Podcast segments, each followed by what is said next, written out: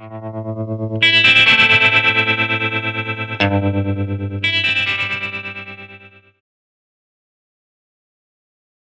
Witam Państwa, dziękuję za bardzo miły, miły wstęp, ale przy okazji profesor Wilkin no, tutaj duże wyzwanie przed nami e, postawił, bo nie wiemy ile mamy mówić, czy krótko, czy długo, więc, więc oczywiście będziemy się sta- starali mówić przede wszystkim ciekawie e, i mam nadzieję, że właśnie e, te, te wyniki, które Państwu przedstawimy, będą też dobrym, dobrym wstępem do dyskusji, bo chociaż tak jak powiedział profesor Wilkin, nasze wyniki zostały opublikowane, ale e, mamy, prowadzimy dalsze badania i Państwa głosy, Państwa e, krytyka, e, podpowiedzi będą bardzo, na pewno będą bardzo pomocne w dalszych naszych, w kolejnych, kolejnych krokach. To może zacznę od takiej banalne, takiego banalnego slajdu pierwszego, wstępnego. E, oczywistego dla Państwa, którzy się Państwo na, na tą kwestią zajmują, dość oczywistą, że ceny gruntów rolnych e, rosną i od momentu wejścia do e, Polski do Unii Europejskiej ten skok był kilkukrotny. E, oczywiście ci, którzy się też zajmują tą problematyką, to wiedzą, że troszeczkę te ceny inaczej się kształtowały w, w obrocie prywatnym, e, a także w, jeśli chodzi o obrót e, w gruntami z zasobu własności rolnej Skarbu Państwa, ale czy w jednym, czy w drugim przypadku, bo to jest kwestia też definicyjna, jakie grunty są tam brane pod, pod uwagę, to ten wzrost był kilkukrotny, olbrzymi. E, No, ale w międzyczasie, e, to o tym pisało też pis- pisało wiele osób, e, ziemia, która jest użytkowana przez rolników, wykorzystywana do produkcji e, rolniczej, e, szybko, szybko maleje. No i ważne, oczywiste pytanie w związku z tym, jaka jest rola wspólnej polityki na rynku, na rynku ziemi. E, I chociaż w, żadnym celów e, wspólnej polityki rolnej nie zostało zapisane jednoznaczne, że celem jest ochrona gruntów e, czy czynników produkcji do, do produkcji rolniczej, to poprzez e, szereg różnych instrumentów oczywiście e, wspólna polityka rolna bezpośrednio wpływa na, na, na rynek ziemi. Dlatego tym pytaniem, które chociaż nie jest głównym pytaniem naszego, e, naszej, naszych badań, tych, e, które Państwu przedstawiamy, to jest pytanie o to, jaka jest e, rola WPR na rynku ziemi, bo próbujemy pójść krok troszeczkę dalej i zapytać się o relacje pomiędzy różnymi interesariuszami, czy zakupującymi tę ziemię, to oczywiście to najważniejsze pytanie, które, e, z, które mamy z, z tyłu głowy, to jest jaka jest e, rola WPR na rynku ziemi, mając e, na względzie ten paradoks, tak? ten, że pomimo tego, że mamy ważną politykę wspierającą rolników, to udział ziemi w rolniczej w, i, i udział użytków rolnych spada.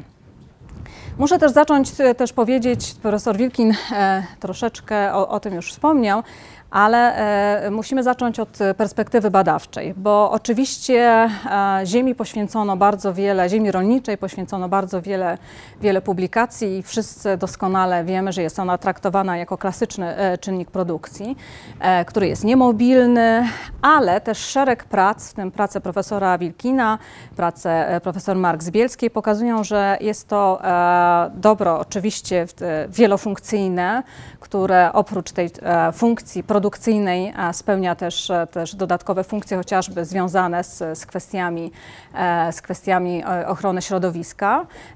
Ale, ale i w związku z tym jest też bardzo silnie regulowany, więc ta polityka państwa i różne właściwie polityki, bo to nie tylko te polityki dotyczące zagospodarowania czy polityki przestrzenne, ale oczywiście polityka, wspólna polityka rolna są tymi politykami, które które wpływają na to, jak jest ziemia użytkowana i jakie bodźce, bo my dużo będziemy, na- te, te nasze badania w dużej mierze do, dotyczyły bodźców dla różnych aktorów na rynku, na rynku ziemi. Więc polityka oczywiście, różne polityki państwa e, kształtują bodźce e, różnych, różnych aktorów.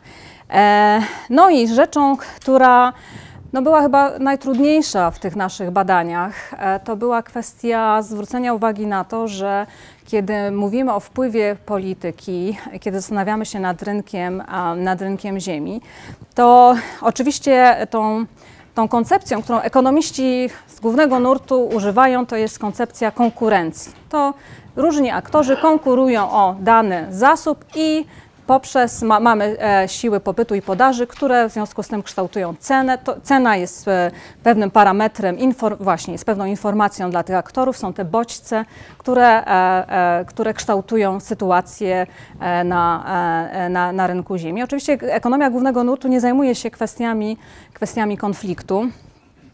A dlaczego my uważamy, że tu jednak pojawia się konflikt, że mówienie o konkurencji to za mało? E, jednym z naszych argumentów, e, e, główny argument jest taki, że właśnie poprzez tą, poprzez kształtowanie bodźców polityka zniekształca konkurencję. W momencie, kiedy mamy rynek, który jest silnie bardzo regulowany, na który wpływają różne, różne instrumenty, wówczas zniekształca, zniekształca to konkurencję i dochodzi do konfliktów, konfliktów różnego, różnego rodzaju.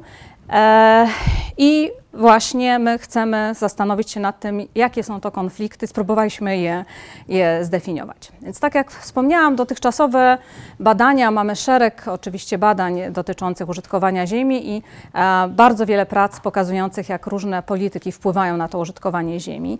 E, bardzo dużo prac dotyczy także wpływu wspólnej polityki rolnej na rynek ziemi i wówczas badana jest przede wszystkim kapitalizacja płatności WPR w cenach ziemi i czynszu dzierżawnego E, taki bardzo fajny przegląd dotychczasowej literatury. Co prawda jest to artykuł z 2015 roku, ale moim zdaniem świetnie pokazuje właśnie sam mechanizm kapitalizacji, czyli właśnie w, jak, jak dopłaty bezpośrednie i inne, e, e, i inne polityki WPR, jak są przenoszone na ceny ziemi i na wysokość czynszu dzierżawnego. Taki dobry przegląd zrobili Góral i Kulawik w zagadnieniach ekonomiki rolnej w artykule z 2015 roku. E, więc takich prac jest, e, tych artykułów jest bardzo dużo. W ostatnim czasie też pojawiły się bardzo ciekawe prace, które pokazują, jak wspólna polityka rolna wpływa na proces porzucania ziemi. Czyli pomimo tego, że nadal ziemia jest e, w zasobach prawda, rolnych i na przykład GUS wykazuje, wykazuje te, te wielkości, to tak naprawdę ona nie jest użytkowana, użytkowana rolniczo. I dla Polski e, takie też e, e, wyniki czy, czy próby oszacowania tego pokazywał m.in. profesor Dzun w swoich artykułach z profesorem Musiałem, a także w innych, w innych opracowaniach. Także te, te zagadnienia są szeroko, szeroko badane i zazwyczaj te badania, które pokazują właśnie wpływ WPR na ceny e, i wysokość czynszu na cenę ziemi, czy na kwestie porzucania ziemi, są analizowane na poziomie kraju. E, jest też szereg ciekawych artykułów, w których porównywane są różne kraje i wówczas e, poziom analizy dotyczy właśnie no, dotyczy, dotyczy kraju. Dużo prac z kolei, jeśli chodzi o badania konfliktów, czyli tej jak gdyby drugiej, drugiej strony naszej naszych badań, to są przede wszystkim e, badania, które są robione przez, e, przez geografów, planistów przestrzennych i przez e, prawników. To są bardzo ciekawe, ciekawe badania, z tym, że one w większości dotyczą studiów przypadków, bo bardzo ciężko jest badać, czy wejść w głąb, czy zrozumieć istotę konfliktów bez zejścia, bez zejścia w dół, bez zrozumienia tego na poziomie, na poziomie mikro. No i to, co my próbowaliśmy zrobić, od, próbując odpowiedzieć na, na nasze pytania badawcze, to próba jeśli mogę tak troszeczkę kolokwialnie powiedzieć, zejścia niżej na niższy poziom e, agregacji, czyli spojrzenia na sytuację w regionie, ale przy użyciu właśnie narzędzi, e, narzędzi ilościowych.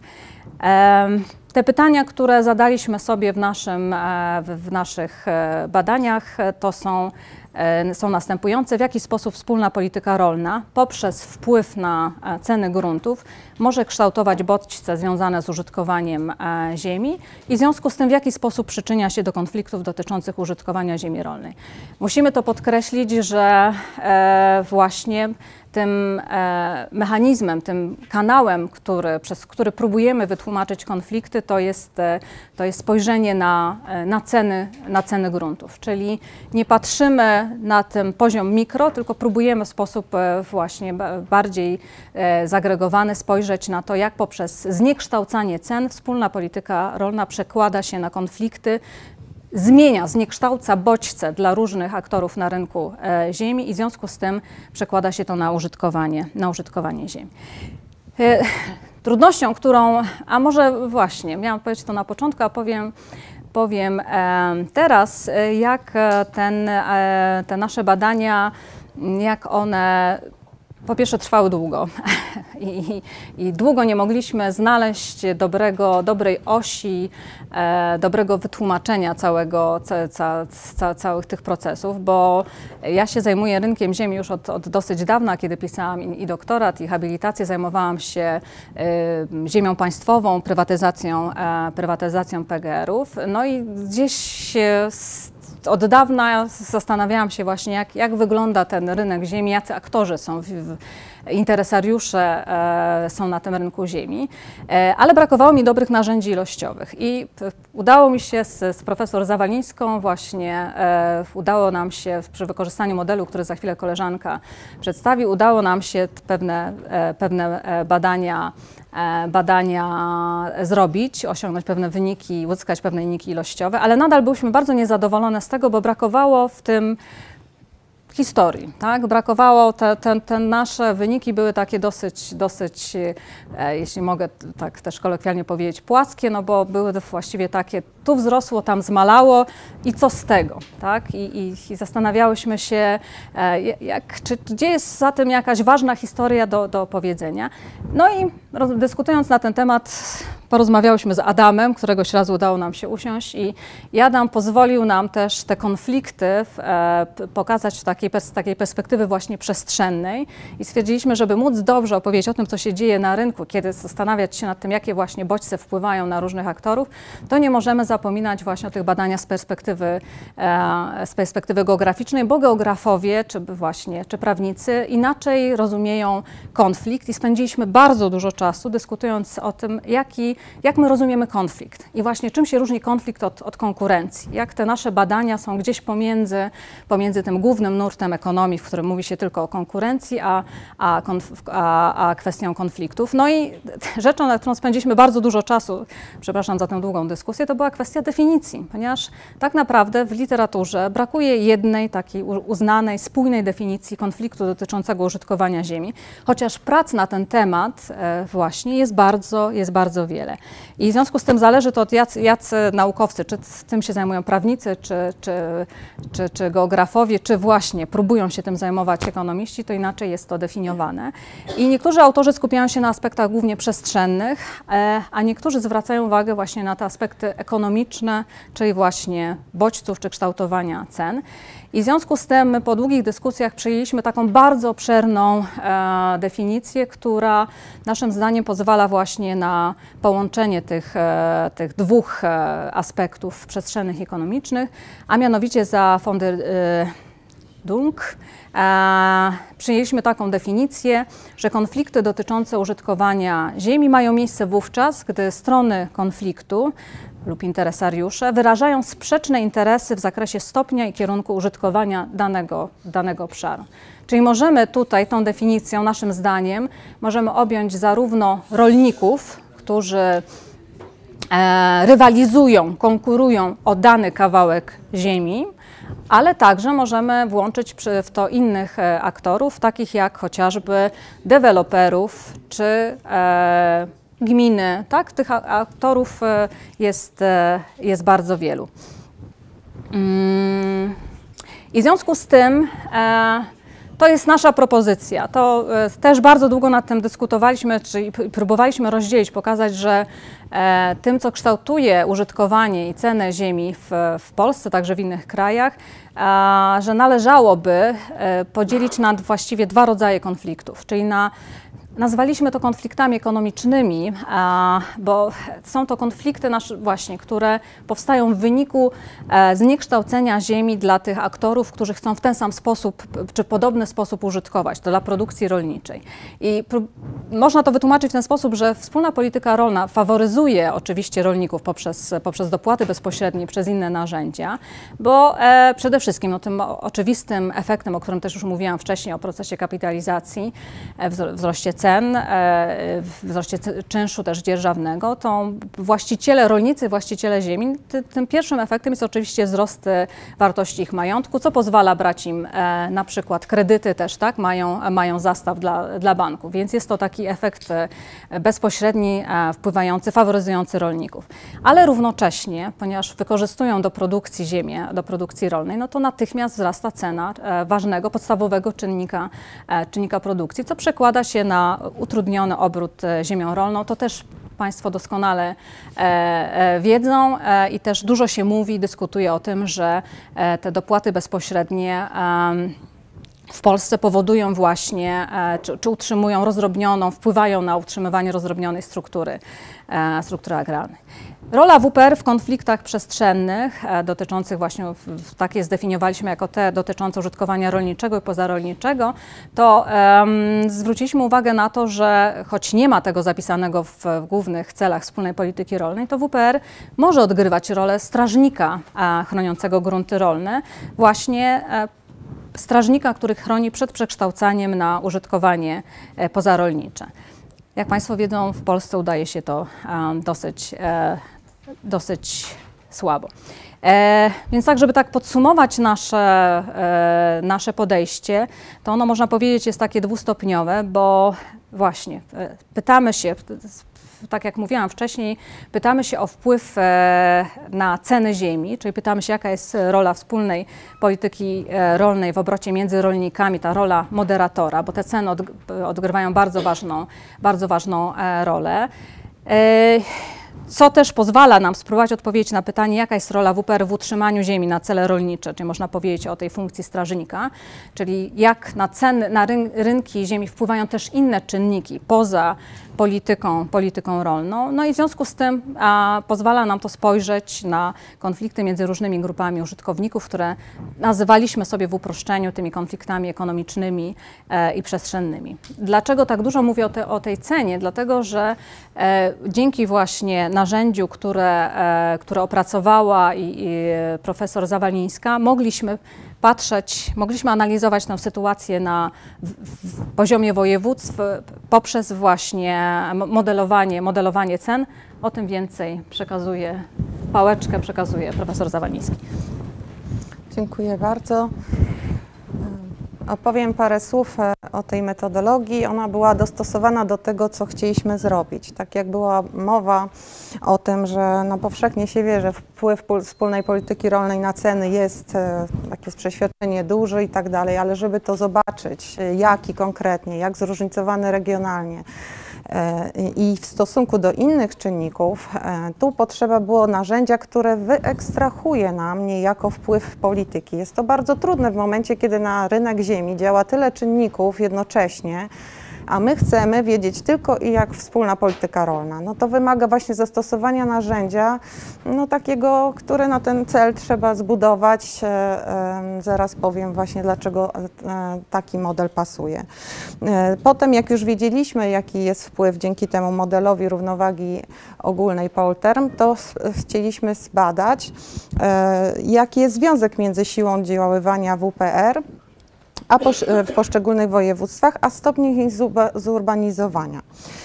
E, żeby wiedzieć właśnie jakie inne, bo tutaj e, przesłanka jest taka, że urbanizacja jest jednym z kolei z, z innych czynników bardzo silnie wpływających na te ceny. E, okres analizy to są dwa okresy budżetowe, kiedy była wspólna polityka rolna, bo dla tych mieliśmy cał, całkowity skończony okres oddziaływania. Ten model regionalny powstał przy współpracy z, z ośrodkiem australijskim, ponieważ te Australijczycy od lat 60. są prekursorami tej, tej metody, czyli budowania takich makiet, makiet gospodarek. E, do dziś największe modele pochodzą właśnie stamtąd. Ja sama nie byłam w stanie czegoś takiego zbudować, powiem szczerze, i dzięki te, tej współpracy powstał taki model dla Polski. on jest właśnie taką makietą, e, czyli próbuje e, w uproszczony oczywiście sposób przedstawić powiązania wszystkich aktorów, którzy działają ekonomicznych i powiązania między nimi cenowe, e, e, cenowe, ilościowe, przepływy e, z gospodarstw do gospodarstw. Mm, Ja najbardziej obrazowo tak się zastanawiałam, jak to przedstawić. E, To jest taka jakby budowa e, makiety, jak buduje się makietę budynku z zapałek, tak tutaj się buduje makietę budynku e, z równań matematycznych. Tak? No oczywiście w, w naszych czasach nie buduje się już e, jakby takich kartonowych makiet, tylko też, e, też robi się to komputerowo.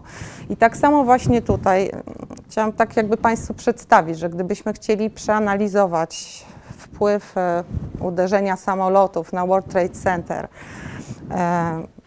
to wyobrażam sobie, że właśnie buduje się taką makietę, znając parametry tych budynków, e, znając poszczególne e, siły działające w tych budynkach i znając e, ten zewnętrzny czynnik, jakim są samoloty, można określić, zatrzymać w czasie, przeanalizować właśnie e, przyczynowo-skutkowy e, przebieg tego zdarzenia. I tutaj tak samo, to jest tak budowanie gospodarki polskiej z równań i wypełnianie ich danymi e, gusowskimi, zaraz powiem jakimi, to jest budowanie makiety, a tym zewnętrznym czynnikiem jest wspólna polityka rolna. Bo ja muszę to zrobić w sposób laboratoryjny, żeby zobaczyć, co się poszczególnie wydarzyło, kiedy taki duży napływ pieniędzy wpłynął do poszczególnych gospodarstw na poszczególne rzeczy. Em, czyli tak jakby no, buduję tą makietę, od, wyekstrahowuję e, jakby tylko jeden czynnik wpływu i badam, jaki jest wpływ na ceny.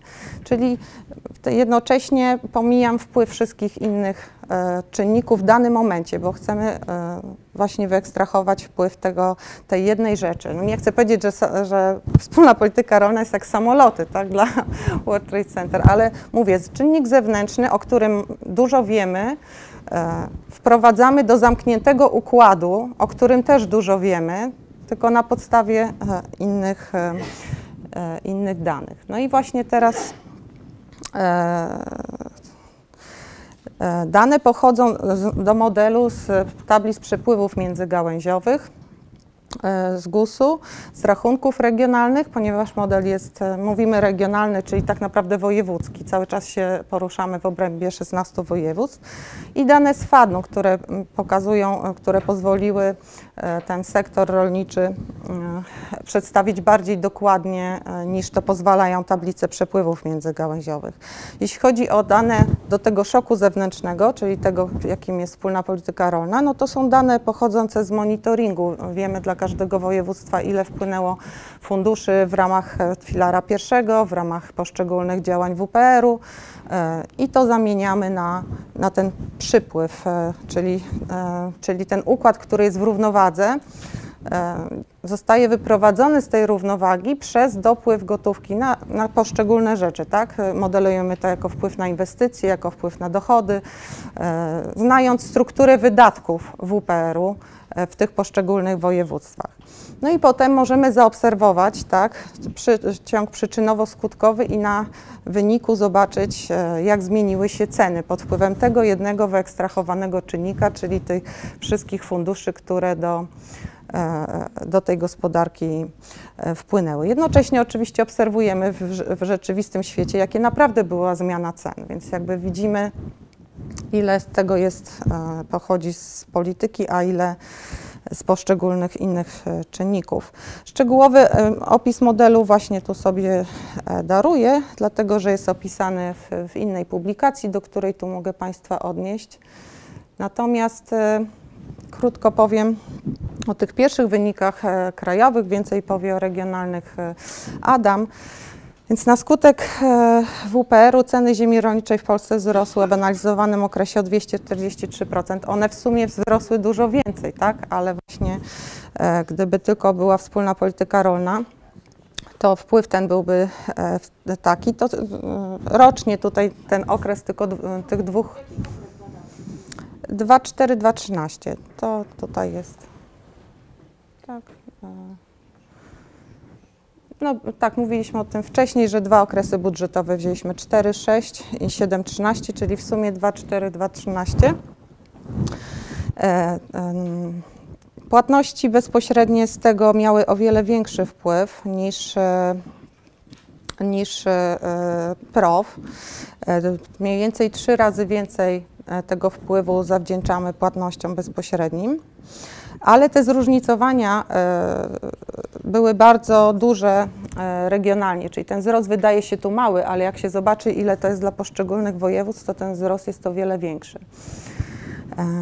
Tutaj tylko zacznę, zaraz oddam głos e, mm, Adamowi. Natomiast to, co jest jakby ważne, że nam się wydaje, że wszędzie wspólna polityka rolna była dominującym czynnikiem kształtującym wzrost cen, podczas gdy tu wyraźnie widzimy, że są województwa, gdzie wzrost cen ziemi rolniczej był bardzo wysoki, ale według naszych obliczeń wpływ WPR-ów to był bardzo, bardzo niewielki, czyli czynniki poza WPR-owskie zdecydowanie kształtowały ten, e, te ziemię, e, te, te, te ceny. Natomiast wprost przeciwnie, są takie województwa, gdzie, e, gdzie gdyby nie WPR, to ceny by kilkukrotnie były niższe obecnie ziemi rolniczej, niż to ma miejsce e, obecnie dzięki wpływowi tej polityki.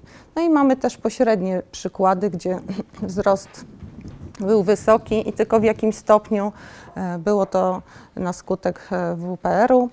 E, Tu oddaję głos Adamowi, bo on wszedł głęb- głębiej w tą analizę e, właśnie wojewódzką i zaczął wyjaśniać te relatywne mm, oddziaływanie WPR, a innych czynników, żeby wyjaśnić, dlaczego mamy takie zróżnicowane mm, sytuacje i tyle tych różnych e, kombinacji. Wzrostu cen ogółem, a wzrostu cen na skutek tylko i wyłącznie WPR-u, bo jest bardzo zróżnicowane to,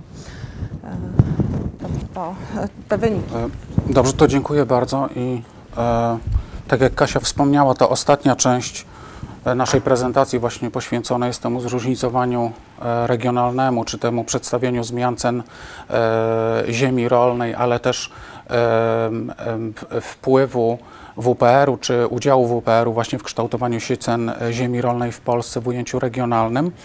Ja się po, pozwolę posiłkować kartką, bo przepraszam, ale dosyć dawno już e, brałem udział w tej, w tej analizie czy w tym projekcie i mam trochę obawę, że mogę zapomnieć powiedzieć czegoś ważnego, więc, mm, e, więc na początku przede wszystkim jeszcze chciałem powiedzieć o tym, że e, sama ta prezentacja e, tych zmian całkowitych czy zmian w oparciu o Wpływ WPR-u pozwoliło też nam odnieść się później do e, tych kwestii występowania konfliktów przestrzennych e, i ekonomicznych właśnie e, w tym kontekście. Jeśli chodzi o całkowitą zmianę cen ziemi rolniczej, to ona była bardzo zróżnicowana, o czym już Kasia powiedziała, od 266% w Małopolskim do 570, prawie 570 e, w Dolnośląskim. Już pobieżnie na podstawie tej mapy możemy zaobserwować, że ten wzrost największy był w województwach, w których, ja bym powiedział, ta ziemia rolnicza jest e, jakby najbardziej doceniana, czy najbardziej ceniona, czy ma największą jakby taką wartość użytkową, naj, największą użyteczność, czyli w tych silnych regionach rolniczych, w których e, struktura też agrarna pozwala na prowadzenie bardziej racjonalnej i efektywnej gospodarki, produkcji głównie na rynek. E, Stąd też e, oczywiście konkurencja nie tylko między rolnikami, ale też między innymi e, aktorami o ten, o ten zasób czy o tę ziemię jest, e, e, jest bardzo wysoka. Z drugiej strony mamy na przykład województwo śląskie, e, w którym już na początku nawet tego badanego okresu 2004-2013 ceny ziemi w ogóle, ale ceny ziemi e, rolniczej były wysokie, a do tego jeszcze występuje pewnego rodzaju deficyt y, tego zasobu ze względu na powszechność i intensywność y, użytkowania ziemi na inne cele i przez inne funkcje, e, głównie miejskie. Mm, W tej samej grupie, e, to znaczy w której ten ta całkowita zmiana czy całkowity wzrost był e, najniższy, mamy województwo małopolskie, e, mamy województwo na przykład świętokrzyskie, lubelskie czy podkarpackie, w których ta struktura agrarna jest bardzo rozdrobniona, co oczywiście jest istotną barierą, czy uniemożliwia prowadzenie tej racjonalnej, efektywnej gospodarki, gospodarki rolnej, a do tego na przykład w województwie świętokrzyskim wysoki jest wskaźnik też porzucania ziemi. E, To ja mówiłem oczywiście cały czas o całkowitej zmianie, czyli o tym e, czerwonym, słupki, e, czerwonym słupku. Całkowita zmiana, tak jak już też e, wcześniej e, Kasia mówiła, e, ma w sobie działanie, e, czy uwzględnia w sobie działanie różnych czynników. Jednym z czynników są polityki, w tym wypadku wspólna, wspólna polityka rolna. E, I em, no mówię teraz właśnie o tym, e, mówię teraz o tym żółtym słupku. Tutaj ta e, udział WPR-u, czy ja bym powiedział bardziej, bardziej rola WPR-u w kształtowaniu właśnie cen ziemi rolnej była również bardzo zróżnicowana. Od zupełnie marginalnej, czy, czy właściwie no, tej roli nie było tam widać w województwie opolskim czy województwie śląskim, nawet do 286% w województwie, e, województwie lubelskim. To 286% w tym wypadku oznacza, że gdyby zaokrąglić to do 300%, to bez działania tego czynnika ta cena ziemi e, e, rolnej w tym województwie byłaby e, trzykrotnie niższa. E, czyli ogólnie rzecz biorąc, najwyższy udział, czy naj, na, największa, najbardziej znacząca rola WPR-u w kształtowaniu cen była e, właśnie w tych województwach wschodnich, podczas gdy najmniejsza, czy najmniej zauważalna była w województwach, powiedziałbym, takich silnie rozwiniętych gospodarczo, nie tyle zurbanizowanych, ale silnie rozwiniętych gospodarczo, uwzględniając to również właśnie mm, e, działalność rolniczą. My sobie na tej mapie pozwoliliśmy przedstawić to drugie zjawisko, czyli właśnie ten udział WPR-u jakby dwukrotnie, to znaczy najpierw za pomocą tego właśnie mm, diagramu jako ten żółty słupek, ale później też podzieliliśmy województwa e, właśnie tym kartogramem na trzy, e, na trzy grupy. E, To, te, te grupy, e, znaczy ten podział, ani, ani te grupy, nie, czy te przedziały nie są równoliczne, ani też nie są to przedziały o równej częstości, tylko mają charakter arbitralny. Ale my jakby no, sami zdecydowaliśmy się na ten podział ze względu na naszym zdaniem jakąś łatwiejszą interpretację i analizę, e, i analizę tych e, danych, szczególnie pod kątem identyfikacji jakichś czynników sprawczych czy, czy uwarunkowań. E, I tutaj e, chociażby takim dobrym przykładem jest województwo małopolskie, e, któremu znacznie bliżej pod kątem tego, tego właśnie wskaźnika, czy wartości tego wskaźnika jest do województwa podlaskiego, ale jednak my zaliczyliśmy je do tej grupy, e, w której ten udział WPR-u jest stosunkowo niski, e, czyli Głównie z, głównie z tych względów, że uznaliśmy, że województwo małopolskie razem z tymi innymi województwami z tej grupy ma jakiś punkt wspólny, ma jakiś element wspólny, jeśli chodzi o interpretację, o czym e, za chwilę powiem. Ogólnie rzecz biorąc, najważniejszym wynikiem tej części badania był relatywnie niski udział e, właśnie wspólnej polityki rolnej, czy rola wspólnej polityki rolnej w tych województwach, w których zanotowano największy wzrost. I odwrotnie, e, tam gdzie wzrost, ten całkowity wzrost e, cen ziemi był stosunkowo niewielki czy najniższy, tam rola WPR-u okazała się być e, decydująca. Oczywiście mo możemy, tak jak powiedziałem, no mamy tutaj 16 jednostek badawczych, mamy tych 16 regionów, e, jest ich niewiele, ale tak naprawdę interpretacja, czy ten sam ten podział nie był dla nas prosty. Mm, No i oczywiście można dyskutować, można dyskutować o tym, szczególnie o tej, można powiedzieć, takiej środkowej, pośredniej grupie, na temat jej reprezentacji, na temat jej liczności. Mamy tutaj bowiem województwa zachodniopomorskie, mamy województwo lubuskie, e, które są podobne do siebie ze względu właśnie na strukturę agrarną, ale też chociażby na udział e, ludności miejskiej, no ale mamy też województwo podlaskie, które jest no, bardzo silnie zróżnicowane wewnętrznie. Mamy tą część taką wschodnią, depopulacyjną, e, z problemami społeczno-demograficznymi, ale mamy tę część taką południowo-zachodnią, w której rolnictwo jest silne, przynajmniej to rolnictwo indywidualne jest bardzo silne.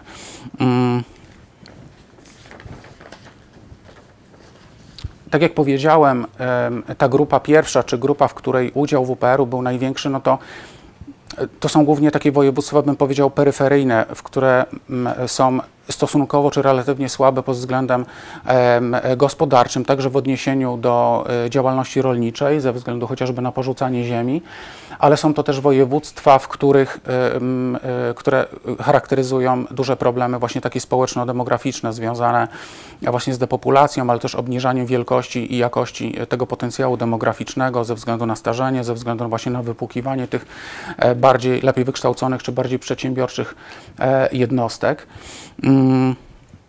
Szczególnym przykładem oczywiście jest tutaj województwo mazowieckie. Ono oczywiście dysponuje y, dużym potencjałem demograficznym i dużym y, potencjałem gospodarczym, e, nawet na obszarach formalnie nazywanych wiejskimi, czyli głównie w strefach podmiejskich Warszawy i innych dużych i średnich miast. Natomiast w dużej części, szczególnie w części wschodniej, one pod względem tych takich charakterystyk społeczno-demograficznych no nie różni się, czy gospodarczych, nie różni się specjalnie właśnie od tych województw e, ściany wschodniej. No i mamy tą drugą grupę, czyli grupę, tą gru, drugą grupę skrajną, w której e, ten e, wpływ WPR-u był stosunkowo niewielki, e, czyli głównie albo, ma, albo są to województwa silnie zurbanizowane jak śląskie, albo to są województwa o silnie rozwiniętej właśnie funkcji rolniczej, jak chociażby opolskie, albo najczęściej te, w których te dwa czynniki odgrywają istotną rolę, czyli kujawsko-pomorskie, pomorskie, dolnośląskie, czy e, przede wszystkim wielk, wielkopolskie. Mm.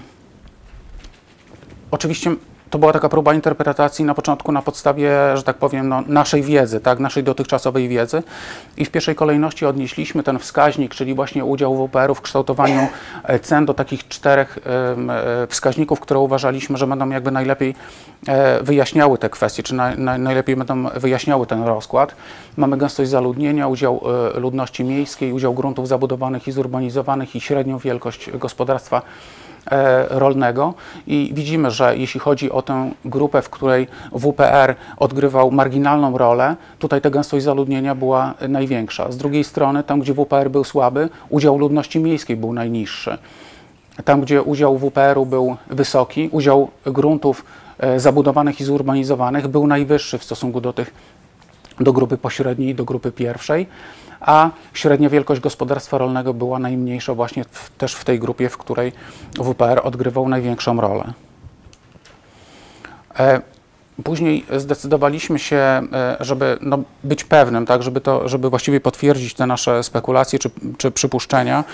E, Sprawdziliśmy właśnie też kierunek i siłę relacji między e, rolą wspólnej polityki rolnej w kształtowaniu cen i innymi zmiennymi wyjaśniającymi za pomocą testów statystycznych. W związku z tym, że duża część tych zmiennych wyjaśniających była silnie skorelowana ze sobą, nie budowaliśmy żadnego modelu w oparciu o analizę regresji, tylko osobno dla e, e, każdej pary tych, e, tej, tej relacji budowaliśmy, to znaczy sprawdzaliśmy to za pomocą testu T studenta. I tutaj przedstawiłem tylko te kilkanaście relacji, które były jakby najbardziej istotne statystyczne przy tej wysokiej istotności statystycznej z tym e, 5%, e, z 5% progiem. Mm, Ja bym powiedział, że możemy tutaj mówić przede wszystkim o takich czynnikach związanych z zagęszczaniem.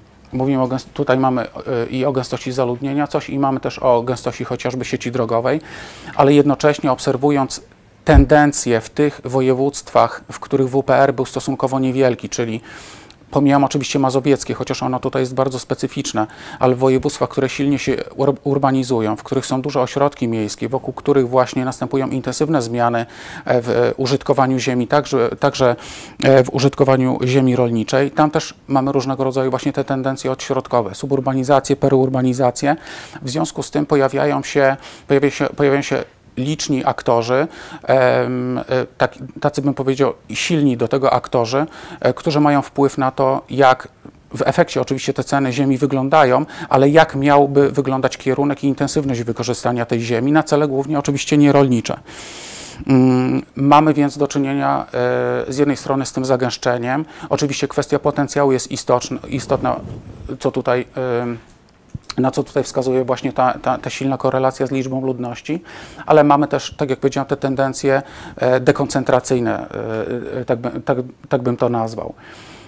Do tego o pewnej perspektywie, jak będzie to dalej wyglądało i jak ta relacja będzie się też układała, wydaje mi się, że mówi ta duża, wysoka korelacja z tym udziałem powierzchni gminy objęte, objętej planami zagospodarowania przestrzennego. Natomiast te trz- trzy ostatnie wskaźniki no, mówią nam bardziej o tym, że to nie tyle może zurbanizowanie, tak jak wcześniej mówiłem, ale bardziej właśnie poziom rozwoju społeczno-gospodarczego, e, taka e, silna gospodarka e, decyduje właśnie o tym, mm, czy WPR jakby pokazuje tam swoją siłę, czy wręcz jest właśnie zmarginalizowane przez inne siły, które decydują właśnie o cenach ziemi rolnej. Mm, to jest jedynie taka mapa właśnie taka, mm, powiedział, ilustracyjna i taka podsumowująca, e, która jeszcze raz pokazuje wpływ WPR i udział ludności miejskiej, ale tak jak powiedziałem, ten udział ludności miejskiej ze względu na to, że tutaj urbanizacja jest bardziej traktowana sensu stricte, czyli ludność mieszkająca w miastach, a nie e, w tych e, kolejnych aspektach e, urbanizacji społecznym, przestrzennym czy, czy ekonomicznym, może mówi w bardziej ograniczonym zakresie o tych relacjach. Bardziej powiedziałbym o tym, że to nie stopień zurbanizowania, ale bardziej e, właśnie taka silna gospodarka, przy uwzględnieniu oczywiście em, silnego rolnictwa, e, jest tutaj decydująca. Mm. Jeśli chodzi o podsumowanie, to powiedziałbym, e, powiedziałbym tak, że w tych regionach, e, w których e, wpływ wspólnej polity- polityki rolnej na właśnie kształtowanie cen e, ziemi rolnej jest bardzo wysoki, naszym zdaniem jest, stanowi on pewnego rodzaju nadmierną ochronę w przepływie tych gruntów między aktorami, głównie rolnikami, a jednocześnie zakładając, znaczy wiedząc, że w części tych regionów występuje niewłaściwa czy słaba struktura agrarna, która uniemożliwia właśnie racjonalne czy e, e, takie efektywne gospodarowanie, ten przepływ ziemi jest przez ten WPR czy przez rolę WPR-u ograniczony. W związku z tym naszym zdaniem ta ochrona tej ziemi w tych regionach, które są jednocześnie najczęściej nieatrakcyjne inwestycyjnie dla inwestorów zewnętrznych, nierolniczych, e, no jest nadmierna i, i uniemożliwia jakby takie pozytywne przekształcenia w, w rolnictwie. Z drugiej strony, tam gdzie WPR jest słaby, jego rola jest zmarginalizowana przez działanie innych czynników, przez co WPR nie chroni tego, można powiedzieć, szczególnego zasobu, jakim, są, e, ja- jakim jest ziemia, tego zasobu, który właśnie w tych regionach, e, e, którego w tych regionach e, z każdym rokiem ubywa, jest dobrem rzadkim i, i właśnie tym zmniejszającym się zasobem. E, To przepraszam. A, tak, dziękuję bardzo. Właśnie. E, Stąd jakby taki e, nasz. Aha, i oczywiście to odniesienie jeszcze do konfliktów, o którym nie powiedziałem. Więc w e, regionach, w których WPR jest, jest słaby, w których, tak jak powiedziałem, niewielka jest atrakcyjność ziemi rolniczej z punktu widzenia innych aktorów, aktorów nierolniczych, no tam oczywiście ta WPR nie. Nie indukuje ani też nie ogranicza tych konfliktów przestrzennych. Dlatego to, to działanie uznajemy, że jest w pewnym sensie takie nadmierne, nie, niepotrzebnie nadmierne. Natomiast w regionach, w których ta rola e, takiego dodatkowego czynnika, który by zmniejszał te konflikty, czy likwidował te konflikty, chroniąc ziemię rolniczą przed działaniem innych czynników, właśnie w tych regionach silnie urbanizujących się, czy silnie, silnie rozwijających się, mm, no jego rola właśnie taka e, łagodzenia tych konfliktów jest, y, jest niewielka, stąd jakby tak, taka nasza rekomendacja i postulat e, pewnej e, modyfikacji takiej regionalnej WPR-u, tak aby silniej on oddziaływał w regionach, gdzie większa jest jakby mm, wrażliwość czy podatność na stratę tego szczególnego zasobu, a ob, obniżenie jego działania czy zmniejszenie jego działania tam, gdzie właściwie jest niewielki popyt w ogóle na ziemię rolniczą, czy w ogóle na ziemię i mamy do czynienia chociażby z porzucaniem ziemi. Dziękuję. Ja na koniec jeszcze ostatnie e, dwa slajdy. E, tak jak profesor Wilkin wspominał, e, ten artykuł, te wyniki tych badań zostały, zostały opublikowane, e, więc zachęcamy Państwa do, do, do zerknięcia, do, do, do jeżeli mieli Państwo jeszcze jakieś e, e, pytania głębsze, to też zachęcamy do, do przeczytania artykułu, ale ta, to nasze dzisiejsze spotkanie jest dla nas bardzo ważne i będziemy bardzo Państwu wdzięczni za e, za dalsze, za, za, za uwagi, za podpowiedzi, dlatego że chcemy te kwestie związane z, z konfliktem i z różnymi, udziałem różnych interesariuszy na, na rynku ziemi, te badania nad, e, dalej kontynuować. Profesor Wilkin wspomniał o e, projekcie, który dosłownie zaczęliśmy w styczniu, tak, 15 stycznia została podpisana umowa i na najbliższe trzy lata chcemy analizować kwestie kwestie wielofunkcyjności wartości ziemi rolniczej właśnie z tej perspektywy konfliktów i racjonalności e, wykorzystania ziemi rolniczej. E, No i głównym celem jest oczywiście zidentyfikowanie tych konfliktów. E, Chcemy stworzyć też mapę interesariuszy i zastanowić się, tak, zrobić taką analizę mapowania tych naj, najważniejszych aktorów na, na rynku ziemi, pokazać te procesy, które, które przebiegały w, w ostatnich latach, czyli spojrzeć nie tylko na okres wejścia Polski do Unii Europejskiej, ale także w, w te wcześniejsze, zacząć od lat 90., żeby, e, żeby zastanowić się właśnie nad rolą i nad zmianą roli różnych aktorów, różnych interesariuszy w, w procesach następujących na rynku, e, na rynku ziemi. E, No i chcielibyśmy zbadać, ta, ta nasza analiza będzie dotyczyła głównie województwa łódzkiego i warmińsko-mazurskiego, bo e, nie będziemy, te, te badania będą troszeczkę inne od tych, e, które Państwu teraz przedstawiliśmy, bo, e, bo chcemy właśnie ocenić skalę konfliktów dotyczących użytkowania ziemi na podstawie danych z wojewódzkich sądów administracyjnych i samorządowych kolegiów odwoławczych. To będzie jeden z takich elementów. Mamy nadzieję, że uda się to zrobić dla województwa łódzkiego i spróbujemy też w województwie warmińsko-mazurskim. Wybór oczywiście tych dwóch województw na pewno Państwo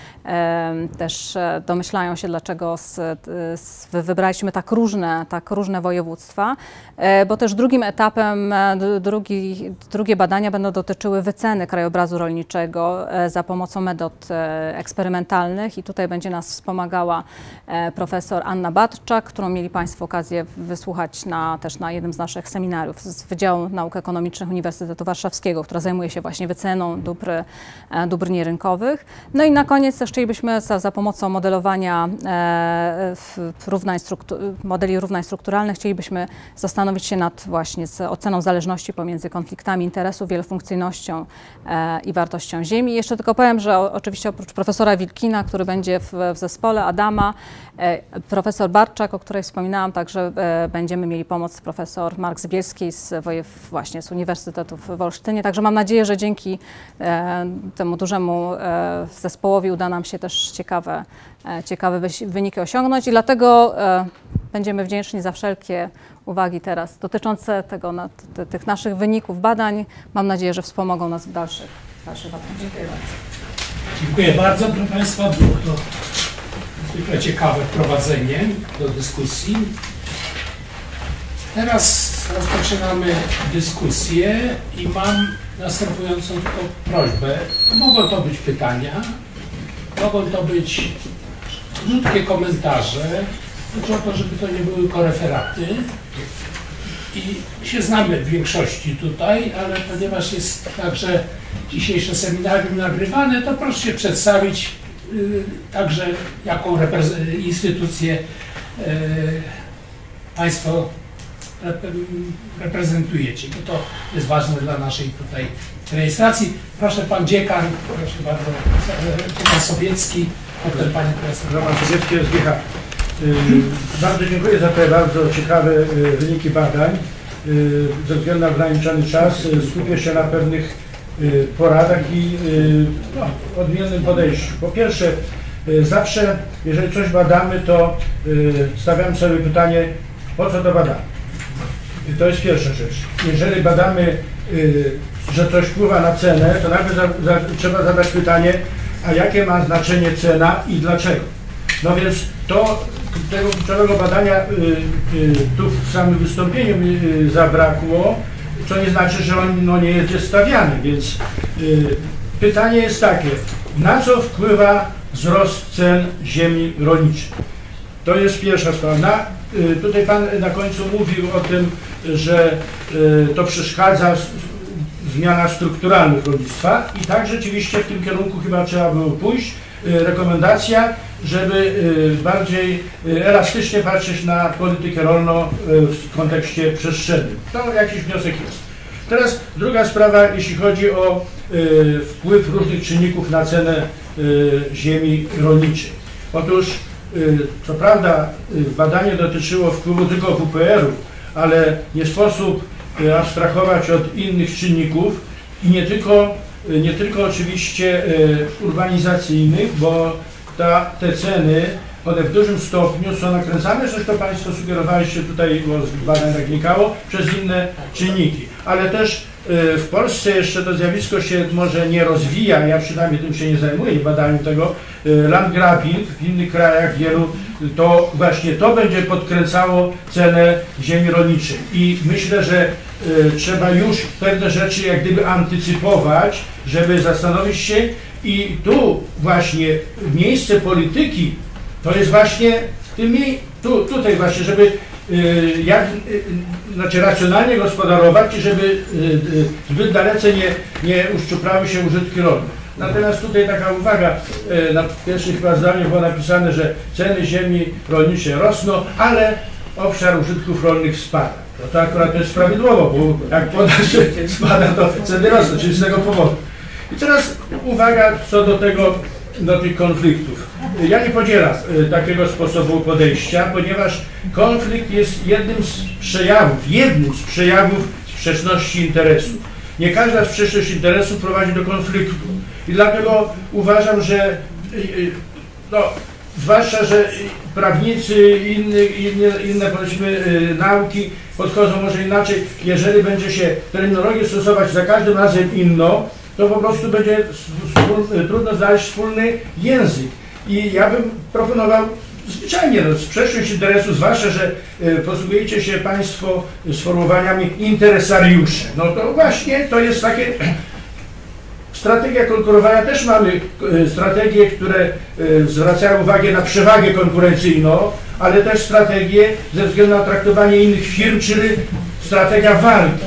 A tu e, sformułowanie e, k- konflikty, tutaj z, z, panem e, doktorem Łukasikiem żeśmy wymieniali e, poglądy na początku, że ten tytuł konflikty to bardziej socjologicznie mi tu pasuje, ale e, nie chcę tu e, jak gdyby imputować Państwu, że to tylko o tym chodzi, ale w kontekście samych wyników badań okazało się, że nie tylko o to chodzi. Także sugerowałbym, żeby bardziej zwrócić uwagę, czemu przeszkadzają te, te wzrosty cen, a może nie przeszkadzają.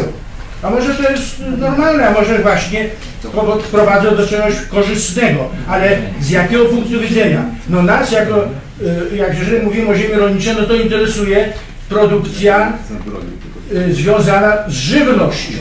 Nie tylko produktów rolnych, bo te produkty rolne też konkurują. To się spala, to się na żywność wydaje. Czyli bardziej od kątem wyżywienia i tu właśnie ten kierunek myślenia chyba powinien być. Dziękuję bardzo. Dziękuję bardzo Pani Profesor. Y, Ja jestem miejscowa. Y. Chciałam powiedzieć, że Państwo z tym tematem jakoś wchodzicie do takiego szerszego nurtu, który obserwuję od pewnego czasu, niekoniecznie w Polsce, ale w Europie i w innych, w innych y, częściach świata, zainteresowanie ziemią, zainteresowanie własnością ziemi. Wiąże się to y, z takim y, może szerokim pytaniem, czy jaka jest funkcja tej ziemi? Czy ona ma wyżywić ludzkość, czy mm, ochronić planetę? To takie, na tym poziomie stawiane są problemy, problemy globalne. Dowodem tego zaraz Państwu to przekażę. Jest taki e, styczniowy numer Revue de l'Académie d'Agriculture Française, gdzie całe dossier jest z różnych krajów poświęcone właśnie problemom ziemi rolniczej. I Państwo badacie, to jest jakby powiedzieć druga kwestia, to w kontekście wspólnej polityki rolnej, po czym to jest taki blok, prawda? takie hasło wspólnej polityki rolnej, który jest wytrych, który wszystko niby ma otwierać. Publikując to po angielsku, co się bardzo chwali, czytelnik ten z innych krajów nie wie, prawda, jak wspólna polityka rolna w Polsce aplikowana i w innych krajach jest regulowana przez różne obostrzenia wewnętrzne. To dotyczy od samego początku tego, kto może zakupić, na jakich warunkach, jakie musi mieć kwalifikacje, jaki jest górny bądź dolny obszar, gdzie on musi mieszkać. Tu, tu w tym jednym z tych artykułów e, profesor Morel, specjalista od Europy Środkowej, wymienia tutaj, ja zakreśliłam, tyle różnych obostrzeń, które spotyka w różnych. Czyli bardzo dobrze byłoby odpowiedzieć sobie e, pytanie. Pytanie w istocie rzeczy brzmiało, jak polska wersja wspólnej polityki rolnej wpływa na ceny. I trzecia rzecz jest to taka uwaga, która może się e, przydać w dalszych badaniach. I to jest problem tej definicji. Uważam definicji nieszczególnie. Dlatego, że różne nauki różnie definiują konflikt, ale konflikt jako zjawisko społeczne ma pewną wspólną strukturę, prawda? Tam nie są inter, interesariusze, tam są adwersarze. Dwie strony, które już, już, to, już to mówi o tym, że ich dążenia jest pewien przedmiot sporu. Prawda? Co jest przedmiotem sporu i jakie stanowiska co do tego przedmiotu konfliktu. Konflikt jest już takim etapem behawioralnym sprzeczności. To, co mówił, to, co mówił pan profesor. Nie każda sprzeczność owocuje, owocuje e, konfliktem. A, a, a poza tym to, to bardzo ciekawe było. Tu Pani przekazuje, ja mam drugi egzemplarz, mogę się to przydać. Dziękuję bardzo. Proszę pan, proszę Państwa, pan profesor proszę. Dziękuję bardzo. Instytut Departamentu Gospodarki Żywnościowej. E, Pierwsze pytanie. Mm, Czy się Państwo tutaj zastosowali e, bardzo, że tak powiem, wymyślny, skomplikowany e, model, ale e, mm, chodzi mi o merytoryczne wyjaśnienie.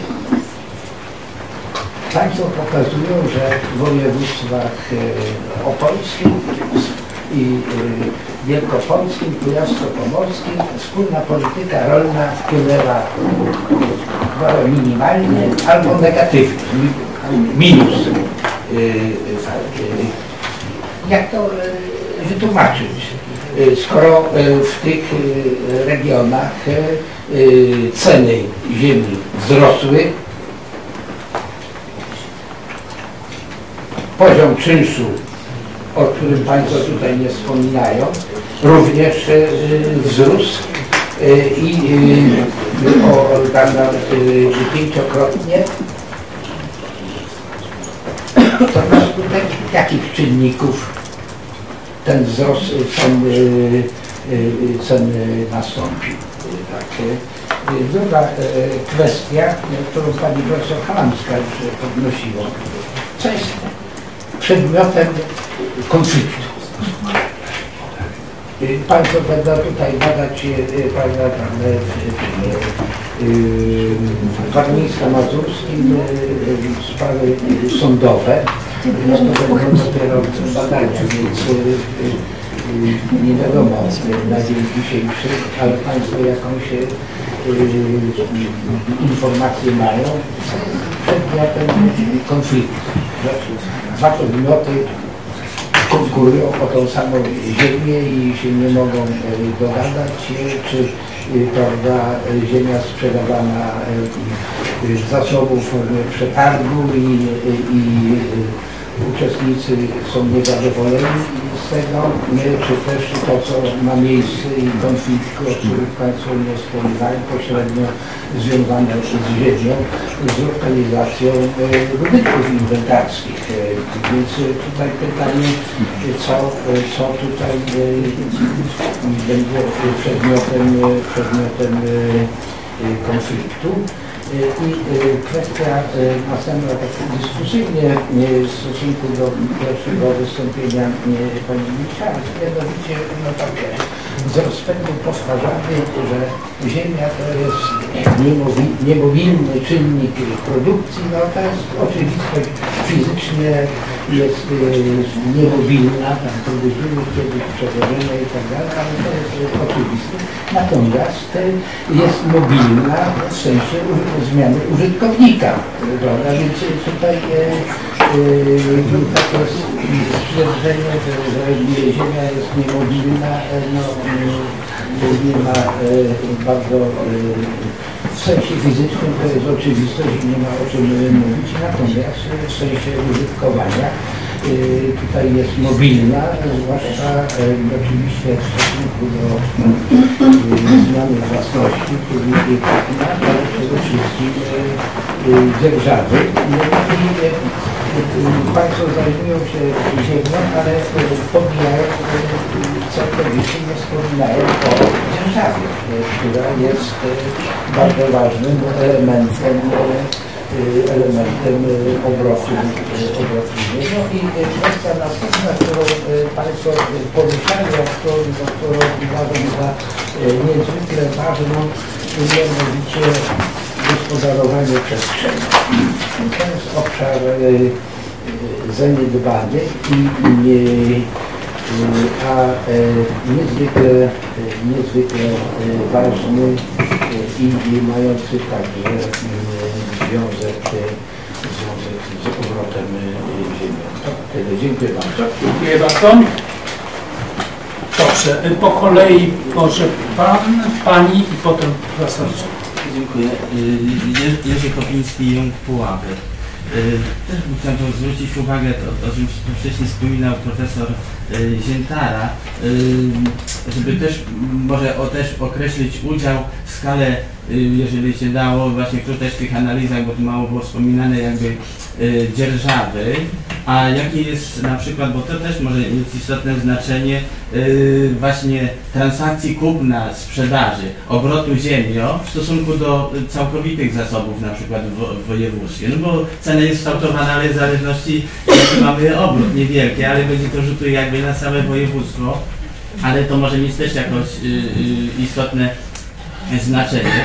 E, Poza tym to trochę już też e, z Pani Moniką jakby na tak też wcześniej zwracaliśmy, nie nie bardzo tak rozumieliśmy, że ten y, udziału wpływu wspólnej polityki rolnej może być większy od całkowitego, no nie, nie wiem, y, jej, jej wzrostu. No bo powinien być, no mieścić się większy, mniejszy, ale powinien się mieścić jak, jakoś w tym, w tym, w tym y, wzroście.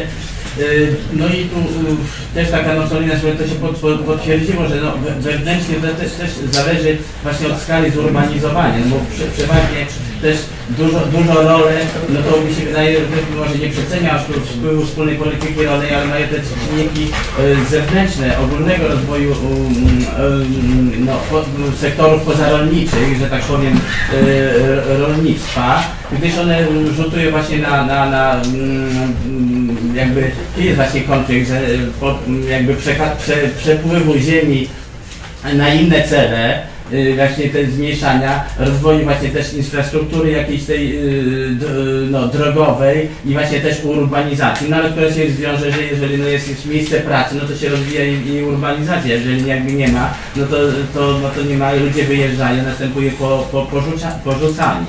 I tu samym jakby już jakby wspólnej polityki rolnej, no to tam co prawda to Państwo e, to określili jakby od- odrębnie udział płatności, be- roli płatności bezpośredniej mm, i roli PROW, no bo to też jakby no, te działania dla poszczególnych jakby kierunków wspo- wspomagania, wspomagania przez wspólną politykę, politykę rolną, no to oni na, pewno też rzutują na jakby no, mm, zachowania jakby ry, rynkowe, to co się dzieje i tam gdzie się rozwijają prężnie jakieś te kierunki y, produkcji, no wcześniej mieliśmy, y, to, to dotyczyło no, akurat tu tych dwóch okresów programowania, y, kwotowania na przykład mleka i no, w, tamtym, w tym reg- regionie, na przykład na województwie podlaskim, no to tam była duża konkurencja o ziemię, no bo y, szczególnie dla przeżuwaczy mm, nie, można zwiększyć skali produkcji bez, za, wzrostu y, zabezpieczenia pasz objętościowych. No i co innego jest w przypadku y, ziarnożerców, trzody chlebnej czy, czy, czy drobiu. Y, A poza tym, no, no ciekawy, warty, dalszego analizowania jakby, no, no, no temat. Dziękuję bardzo. Bardzo proszę. Dzień dobry, jestem e, z Wydziału Geografii Studiów Regionalnych, z Katedry Rozwoju Polityki Lokalnej, nazywam się Katarzyna Szymkiel-Rawska i mam kilka e, komentarzy, które chyba będą, one dotyczą tego modelu, który Państwo pokazaliście. W związku z tym nie jestem pewna, czy one będą użyteczne na dalszym etapie badań, który wydaje się mm, odbieg, od, odchodzić od tego modelowania makro, e, mikroekonomicznego czy w ogóle ekonometrycznego w stronę w stronę bardziej studiów przypadku jednak, takiej analizy jakościowej. W każdym razie na tej mapie, którą Państwo pokazaliście regionalnej, bardzo ładnie rysuje się ta literka L profesora Leszczyckiego i wy, wypada tylko z tej takiego e, znanego nam wszystkim układu regionalnego województwo podlaskie. Ono z mojej, z, z mojej perspektywy jest najciekawszym tutaj przypadkiem e, analitycznym. I pewnie gdzieś tam w bardziej szczegółowej dyskusji można by znaleźć wiele ciekawych e, wytłumaczeń tego, e, tego, tego zróżnicowania dla województwa podlaskiego. E, Gdybym miała dalej rozwijać model, gdybyście Państwo nad tym się dalej zastanawiali, to pewnie zastanawiałabym się nad dołączeniem do czynników, które wzięliście Państwo pod uwagę, czynników związanych z rozwojem turystyki bo ten sektor turystyczny jest niezwykle istotnym e, interesariuszem w konflikcie o przestrzeń. Co prowadzi moją wypowiedź do tutaj wcześniej e, już zainicjowanej dyskusji na temat e, konfliktu. My, znaczy, geografowie często posługują się sformułowaniem konfliktu o przestrzeń. W związku z tym to sformułowanie użyte przez Państwa w tym kontekście tak bardzo mnie nie razi, jak tutaj moich przedmówców niektórych. E, Dziś tam bym e, pewnie tłumaczyła Państwa podejście tym, że jest to, że Państwo badacie pewne elementy szerszego zjawiska, jakim jest e, konflikt o przestrzeń, skupiając się bardziej na, na konkurencji ekonomicznej. I gdzieś tam konflikt o przestrzeń definiujemy często jako element konfliktu politycznego. Stąd też rozumiem, że Państwo odnosząc się do wspólnej polityki rolnej, e, do zagadnień, do, która jest jakimś wyborem strategicznym, jakimś rodzajem instrumentu politycznego, wpisujecie Państwo swoje badania w tą e, tradycję analizowania mm, konfliktów, którą, e, którą znamy z nauk politycznych. Jakby jest, dość to rozumiem, chociaż rzeczywiście też moim zdaniem wymaga to lepszego doprecyzowania. E, Więc wracając trochę do tego modelu, e, jeśli włożyłabym do niego elementy związane z e, interesariuszami z sektora turystycznego, no to być może gdzieś tam zastanawiałabym się nad, nad szerszym ujęciem czynników związanych z innymi typami ochrony przestrzeni, jak e, ekologia, czy, mm, czy właśnie zachowanie przestrzeni nie dla celów rolniczych, tylko e, dla, dla innego typu e, celów. E, Gdybym z- drugiej strony chciała ten model udoskonalać, to pewnie zastanowiłabym się nad dołączeniem w sumie nietrudno dostępnych danych związanych z polityką regionalną. Mamy wspólną politykę rolną i mamy wspólną politykę regionalną. Pieniądze płyną z tego samego źródła i dane na ten temat są, mm, jest do nich podobny dostęp, tak? E, Natomiast gdzieś pewnie założyłabym, że e, polityka regionalna jest czynnikiem modyfikującym wpływ wspólnej polityki rolnej na to, co dzieje się e, w regionie z cenami ziemi, bo jest to równie silne jak wspólna polityka rolna, w pewnych, na pewnych przestrzeniach pewnie silniejszy czynnik finansowy wpływający na na sektor rolny. Wiemy, że w procesie rozwoju wspólnej polityki e, regionalnej e, ona była w różnym stopniu ze wspólną polityką rolną powiązana. I nawet w tych dwóch e, okresach dostosowania, które Państwo bierzecie pod uwagę, te powiązania były e, różne. Tak? W jednym był dużo większy, w drugim był dużo mniejsze. Więc przynajmniej jako czynnik taki kontrolny w kolejnych ba- etapach badania gdzieś bym e, ten czynnik włączała. Jeśli chodzi o województwo mazowieckie, które tutaj często się pojawiało w Państwa wypowiedzi, ono zawsze jest tutaj, stoi nam okoniem w tych wszystkich analizach regionalnych. Natomiast e, jeśli Państwo będziecie rozwijać model, to E, No, mamy teraz nowy NUC, e, który pozwala nam tą przestrzeń podzielić na 17, a nie na 16 części, co może strony ułatwić analizę, z drugiej strony bardzo ją utrudnić, bo jeśli chcemy odnieść się do danych historycznych, no to musimy, no wiadomo. Em, Podsumowując swoją nieco krótką wypowiedź, chciałam powiedzieć, że bardzo mi się, znaczy bardzo dziękuję za, za to, że miałam możliwość przeczytania tego artykułu i wysłuchania e, prezentacji na temat, który jest gdzieś z pogranicza różnych dyscyplin nauki i jest, dotyka bardzo e, istotnego, ciekawego tematu. E, I mam nadzieję, że będziemy mogli dalej e, z sobą współpracować, ponieważ jak e, mm, Dominika powiedziała, oni podpisali 15 stycznia swoją umowę, my podpisaliśmy 17 stycznia umowę e, na realizację projektu, który dotyczy wykorzystania, zmian wykorzystania przestrzeni w Polsce. Przy czym my posługujemy się trochę innymi e, zasobami danych, odwołujemy się do danych gisowych, które również szacują zmiany wykorzystania e, gruntów w Polsce, więc mam nadzieję, że po pierwsze, że nie zrezygnujecie Państwo tak całkiem z tych analiz ekonometrycznych i my będziemy mogli tam dorzucić e, swoje dane i jednocześnie zobaczyć, co z tego wychodzi na końcu, a po drugie, że będziemy mogli nasze wyniki porównać i zobaczyć, co z tego e, da się jeszcze zinterpretować. Dziękuję bardzo. Bardzo dziękuję. Teraz pan profesor Dzur.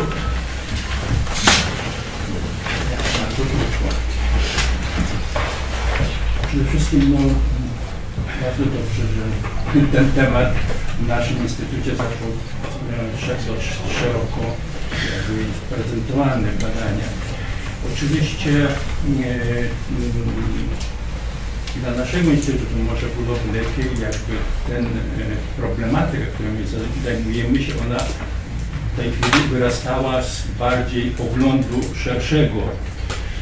E, znaczy z takiego doświadczenia na badania wykorzystania, nawet zarządzania jakby y, zasobami ziemi. Y, Natomiast, y, natomiast to, że tu w tym kierunku idą badania jest bardzo dobrze i cieszę się bardzo. Natomiast tego, natomiast mam jakby takie zastrzeżenia co do tej pierwszej definicji. To znaczy, tam jest e, jakby konflikt, e, sprzeczne interesy w zakresie stopnia i kierunku użytkowania gruntów. Czyli my rozpatrujemy ziemię rolną, a rozpatrujemy z punktu widzenia innego wykorzystania. Czyli, znaczy, bo z tego wynika, że chodzi sprzeczny interesów w kierunku zmiany użytkowania. I teraz problem, problem co my w takim razie badamy? Co my badamy? Yy, bo jeśli sprzeczny interes wykorzystania, to my nie badamy w kierunku rolniczego wykorzystania, bo tu nie ma sprzeczności z tego wynika, tak? Yy, ale, ale w takim razie podstawową sprawę nie dzielimy ceny według kierunków użytkowania. Dlaczego? Dlatego, że u nas jest problem, jakby powiedziałbym, z tego, że ziemię rolną kupuje się, bo nie ma przekwalifikowania, w związku z tym kupuje się ziemię rolną dla innego celu. I się czeka. I się czeka, tak, i tego, i no, ale tego, ale w związku z tym trzeba byłoby tutaj zastanowić się nad tym, bo jeśli byśmy patrzyli z punktu widzenia ziemi rolnej, to myśmy powinniśmy patrzeć z, z punktu widzenia konfliktu interesów przy wykorzystaniu użyt, użytkowaniu rolniczym.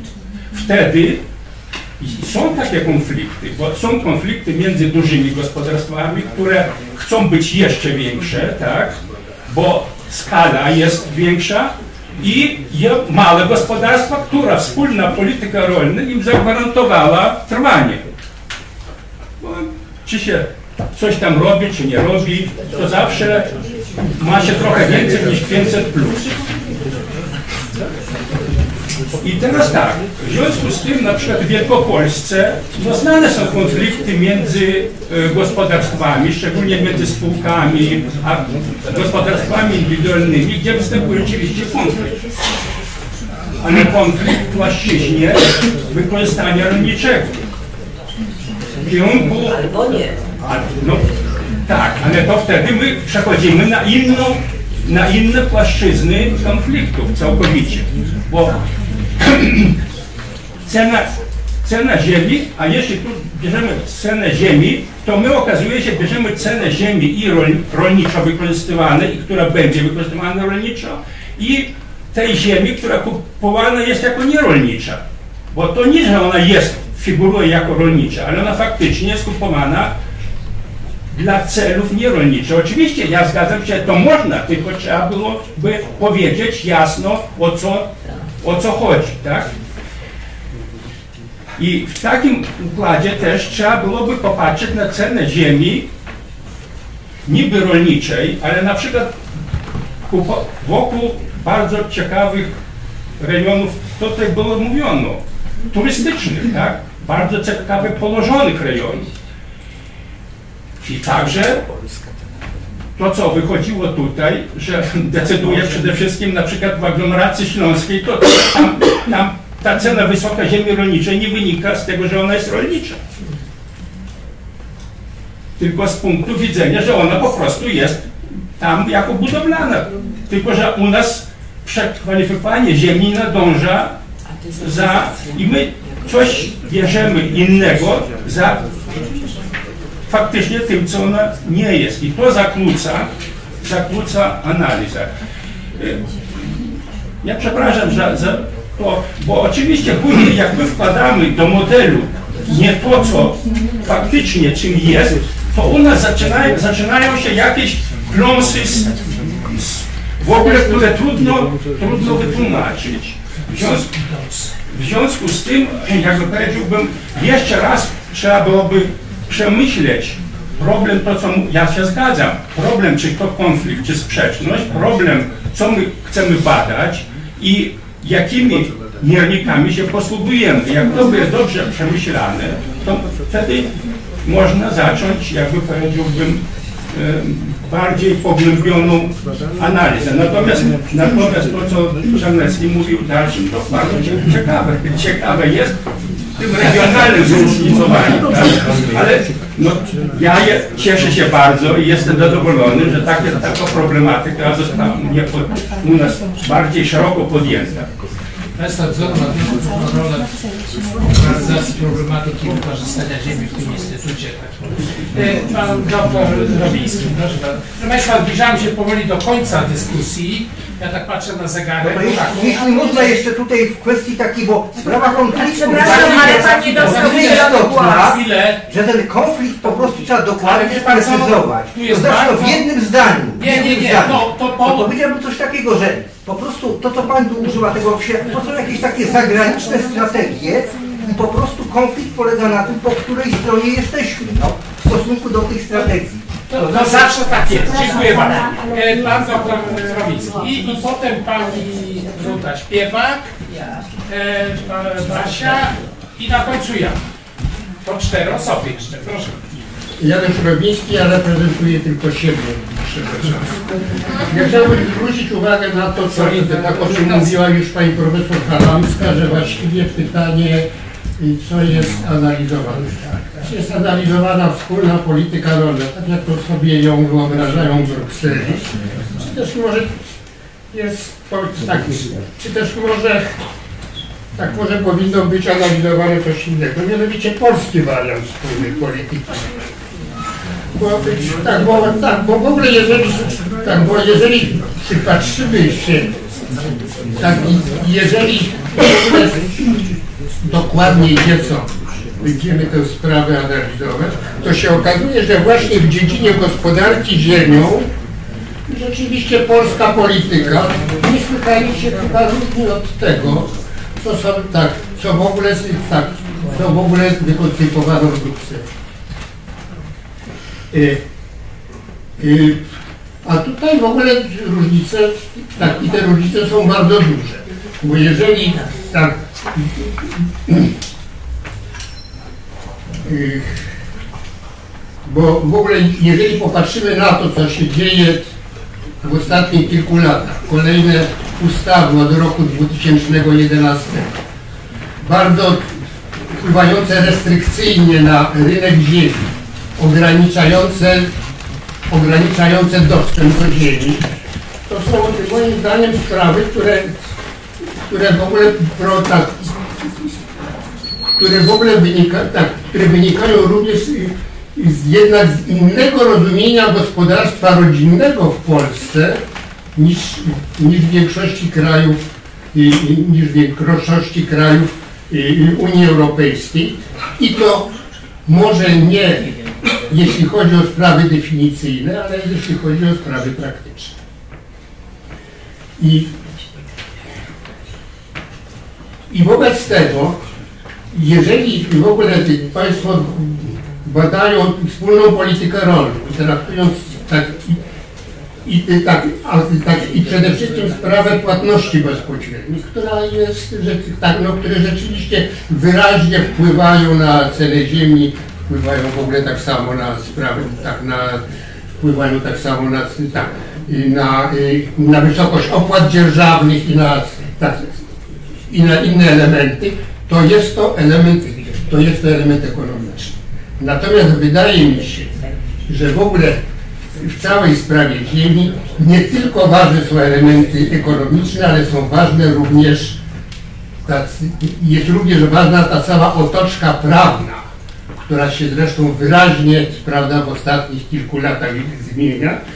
I tutaj, tak, no i tutaj, prawda, no chciałbym, tak, no chciałbym zwrócić uwagę na to, o czym mówił profesor Dun, mianowicie, że sprawa konfliktu jest nie tylko sprawą tego ogólnego konfliktu ziemia jako zasób, tak, tak, ziemia rolnicza jako ziemia, która jest przeznaczona do użytkowania rolniczego, a na inne, a równocześnie prawda jest, tak, jest, tak jest wyciągana ze względu na inne, na, tak, na inne potrzeby, ale tak samo, tak, ale tak samo sprawa konfliktu wewnętrznego, który wyraźnie w Polsce występuje, y, między y, y, sprawa konfliktu wewnętrznego, jeśli chodzi o struktury, te tak, która się wiąże zdecydowanie ze strukturą agrarną, y, y, ze strukturą agrarną, a y, konkretnie w Polsce w, tak, w ostatnich kilku latach ten konflikt wyraźnie narasta między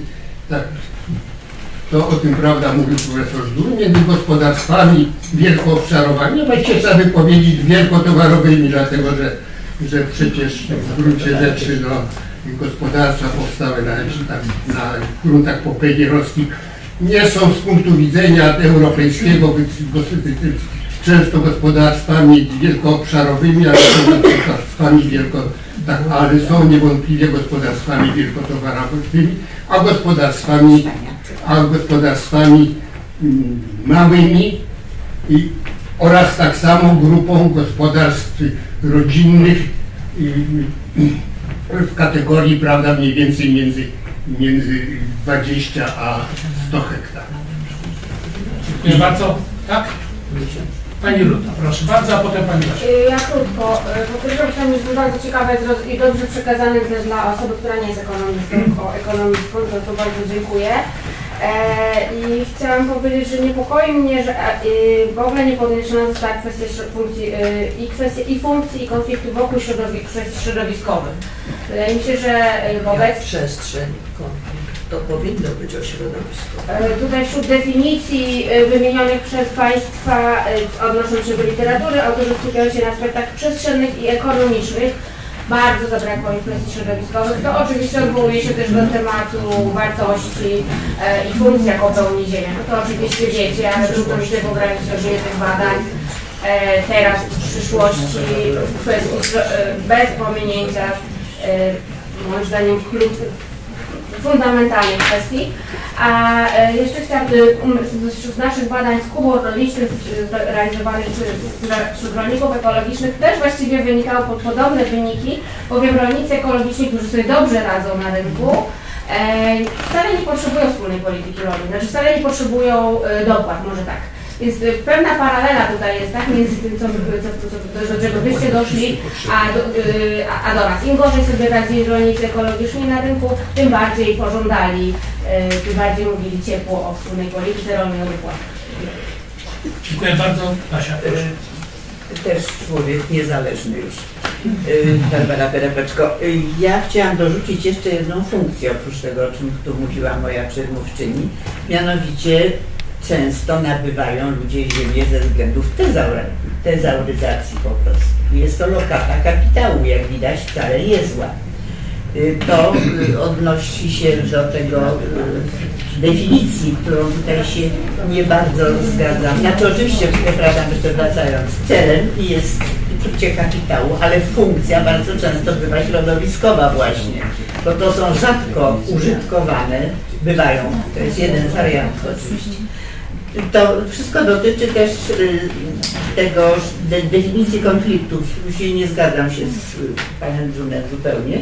Moim zdaniem użytkowanie obszaru, tutaj ten konflikt może być o to, na ile jest to intensywne, ekstensywne, produkcja zwierzęca, y, bardziej zagrażająca powiedzmy bydło, czy, czy mniej zagrażająca środowisku, więc ten aspekt środowiskowy, który tutaj też ma znaczenie, jeżeli chodzi o to. Dziękuję. Ja chcę tylko wyjaśnić, że mnie o kierunek użytkowania to chodziło o to, czy rolniczy, czy pozarolniczy, a nie, Ale rolniczy ale, ale w ramach, tak absolutnie się zgadzam. Tylko tutaj to Już, proszę Państwa, y, jeszcze kilka tam moich komentarzy, ponieważ jest to bliska mi problematyka. Ja zacznę od stwierdzenia, że ta dzisiejsza prezentacja była taką bardzo dobrą lekcją metodologiczną. Pokazywała pewną e, procedurę badawczą, którą autorzy zastosowali. To jest ciekawe, jest cały szereg takich interesujących e, spostrzeżeń i wniosków, które dla, dla własnych badań pewnie każdy z nas może wyciągnąć. Więc, ale nasze seminaria mają często taki charakter, że mają wzbogacać podstawy metodologiczne badań w naukach społecznych, nie tylko w sprawach e, powiedzmy ekonomii. Druga rzecz to jest e, kwestia konflikt a konkurencji, który się tu przewija w różnych... e, Ja uważam, że to jest bardzo ciekawe pole dociekać, bo wiemy dobrze, że konkurencja jest sednem mechanizmu rynkowego. No, każdy ekonomista, ale nie tylko ekonomista o tym wie. E, W związku z tym konkurencja jest tutaj niezwykle ważnym elementem, ale jak mówią specjaliści z kolei od, od, od y, instytucji rynku, powiadają tak, rynek jest na tyle dobry i działa sprawnie i efektywnie, o ile jest wkomponowany w odpowiednie ramy instytucjonalne. Jeśli one są niepełne, kiepskie i tak dalej, rynek działa źle po prostu, potrafi działać źle. I teraz tak, em, jeśli mówimy o konflikcie, ja już pomijam definicję konfliktu, ale proszę Państwa, kon, konflikt tutaj pojawia się jako konflikt interesów, jak, jakoś tam rozumiany, który wykracza poza reguły konkurencji. I konflikt wiedzie do zmiany reguł konkurencji, do zmiany reguł gry w jakimś sensie. I to jest właśnie ten problem bardzo interesujący. E, Jeśli, I tu też jest zgoda powszechna, że Ziemia jest dobrem wielofunkcyjnym.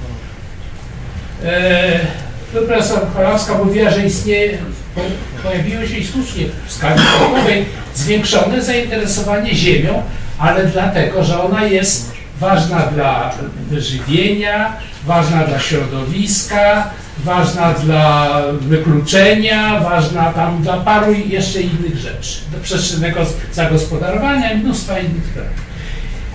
Czyli nie jest tylko dobrem rynkowym, nie jest tylko czynnikiem typowo rynkowym, jest także w jakimś sensie dobrem publicznym i podlega regulacji publicznej. Podlega regulacji publicznej, która tutaj będzie się oczywiście pojawiała w bardzo różnym stopniu. WPR jest taką regulacją publiczną. Tu przy okazji bardzo interesujący, proszę Państwa, był ten, e, ten wykres pokazujący terytorialne zróżnicowanie wpływu WPR-u na ceny ziemi. Bo proszę pamiętać, że tu chodziło o to, e, o udział tego czynnika polityki, czyli WPR-u w kształtowaniu ceny ziemi. Średnio to jest 27% tego, tak jak zrozumiałem, e, udziału w kształtowaniu, czyli w tej, tej dynamice e, cen.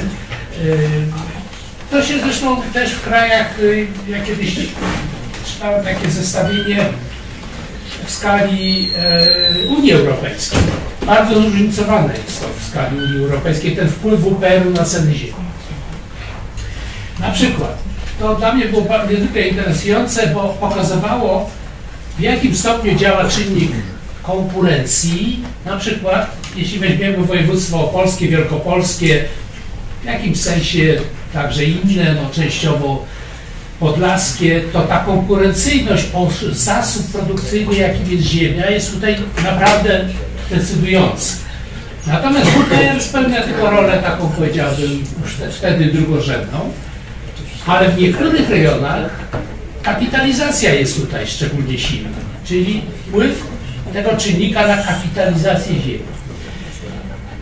E, Proszę Państwa, w Unii Europejskiej, to już wielokrotnie podkreślałem, nie ma polityki użytkowania ziemi, takiej wyraźnej, klarownej e, i mam nadzieję, że ten także nasz projekt i te badania tu osób dzisiaj prezentujących e, dadzą podstawy do takiej polityki e, kształtowania ziemi. I ostatni, ostatnia myśl, bo tu się pojawiła problematyka konfliktu i tak dalej. Oczywiście konflikt y, jako szczególne zjawisko, niezwykle ważne, zawsze był analizowany przez socjologów oczywiście. Ja pamiętam teorie konfliktów, które znałem, to były teorie socjologiczne przede wszystkim. Pozera i innych. No, mogło- Tak, psychologiczne. klasowe, też mogło. ale też, tak, tak, tak. Pierwszy to był Marks. Też, tak, tak, tak. Te, też e, oczywiście konflikt polityczny, konflikt związany z zagospodarowaniem oczywiście przestrzennym jakoś i tak dalej, i tak dalej.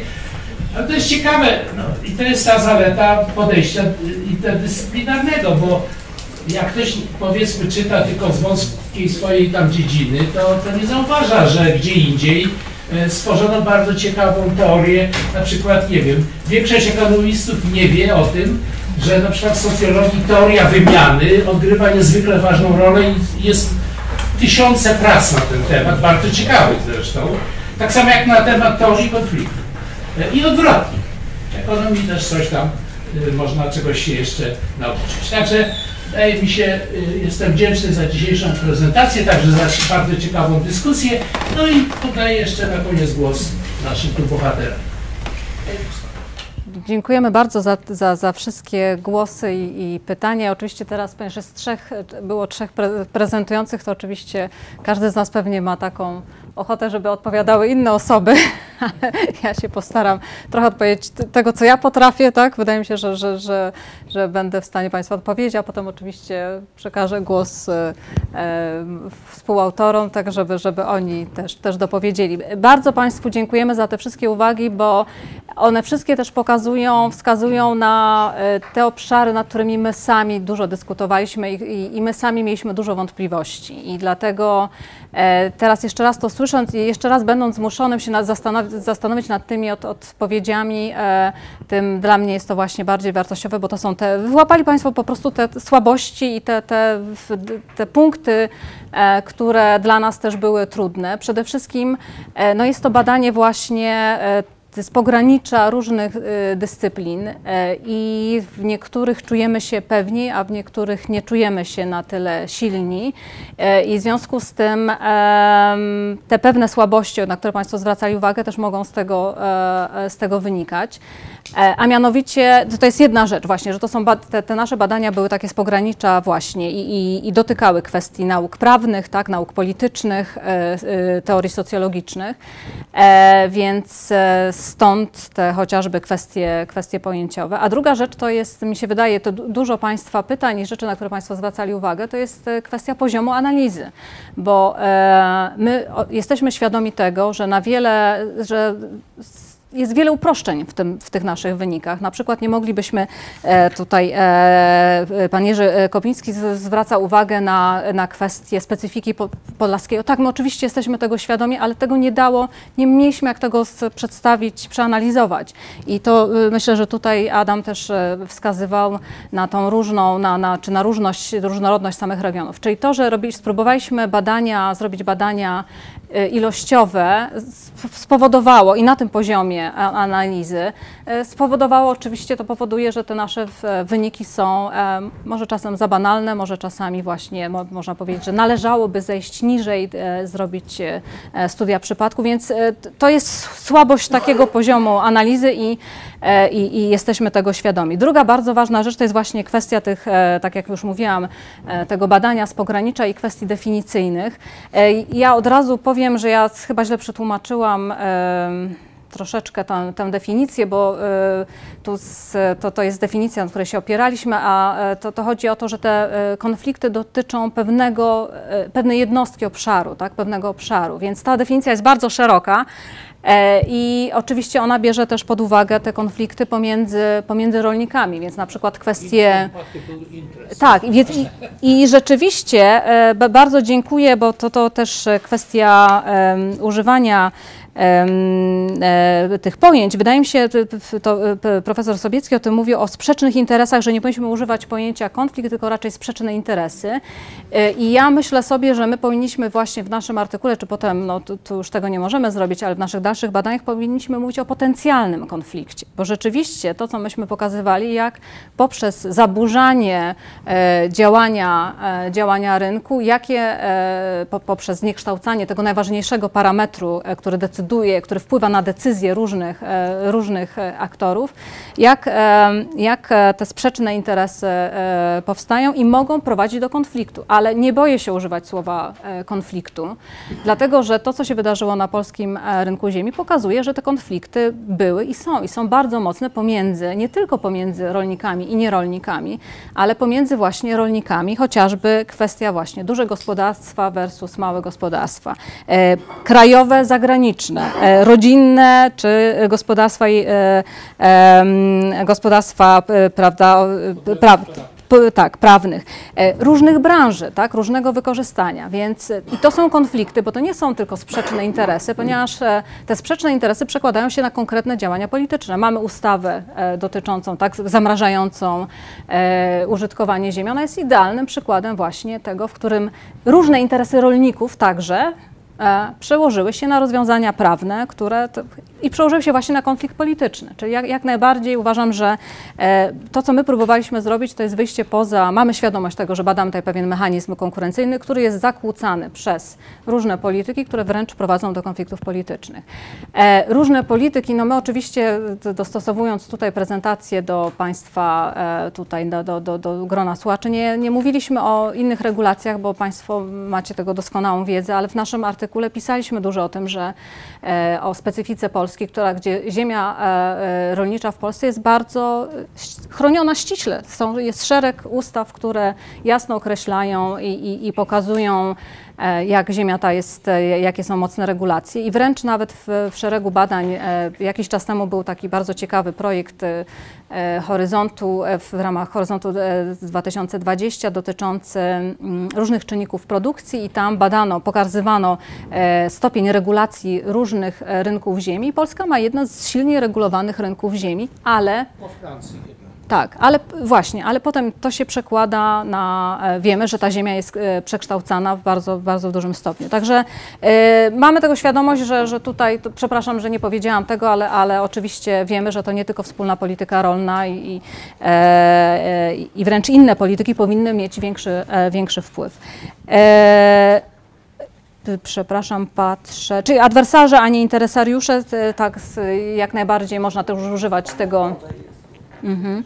E, Badamy polską wersję WPR-u, bo patrzyliśmy na konkretne, oczywiście rozwiązanie, konkretne wykorzystanie funduszy, więc to jest, e, wydaje mi się, że tutaj nie, nie mówiliśmy ogólnie nie o, o, o wpływie WPR ogólnie, tylko właśnie poprzez ten, e, dzięki tym badaniom ilościowym mogliśmy pokazać rzeczywiste polskie wykorzystanie tych polskich narzędzi, bo one były specyficzne do, do wpływu na polski rynek, rynek ziemi. Uwaga profesora Ziętary, e, co jest przedmiotem konfliktu, to właśnie sposób użytkowania. Mam nadzieję, że udało mi się to teraz lepiej, lepiej wyjaśnić, bo zarówno to użytkowanie może być różne wśród rolników, jak i może być różne pomiędzy rolnikami i nierolnikami. I, i przepraszam za skrót e, myślowy, oczywiście mobilna, e, ziemia nie jest mobilna, tak e, to, to napisałam za, za krótko. Oczywiście w, w, zgadzam się z panem profesorem, że, że ziemia jest mobilna, ponieważ mogą z niej korzystać różni, e, różni użytkownicy. Tu odpowiedziałam. E, Dziękuję za te wszelkie właśnie podpowiedzi e, e, pani profesor Katarzyny Szmigiel-Rawskiej. Powinniśmy, tak, ta turystyka jest bardzo ważna i te nasze badania przyszłe będą dotyczyły województwa warmińsko-mazurskiego, ale dzięki tym uwagom, które Państwo teraz przedstawili, Adam mi powiedział, brakuje nam trzeciego województwa typowo rolniczego i mm, zobaczymy, jak tam będzie z finansami, czy uda nam się, bo, bo to...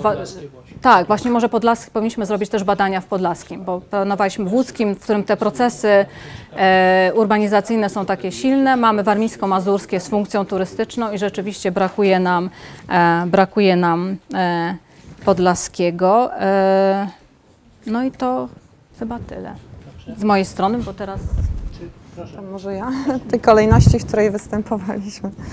Ja też bardzo dziękuję za e, uwagi, za pytania.